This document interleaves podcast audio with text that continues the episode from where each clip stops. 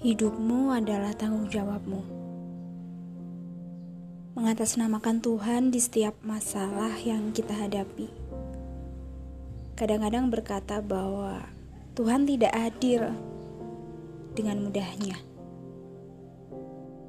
Tanpa mau berkaca, sesungguhnya yang harus berbenah itu kita atau kita memang sudah benar. Sekali lagi, hidup kita adalah tanggung jawab diri kita Ketika kita ada masalah, selalu ada solusi. Tinggal bagaimana diri kita mau berlari atau berjalan pelan. Sekali lagi, itu adalah keputusan kita. Lalu, soal takdir bagaimana?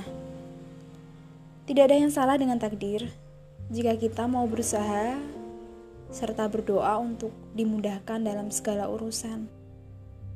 Cobalah untuk melangkah pelan jika tidak bisa cepat. Jangan mencoba berlari daripada kita lelah di ujung jalan dan menyerah begitu saja.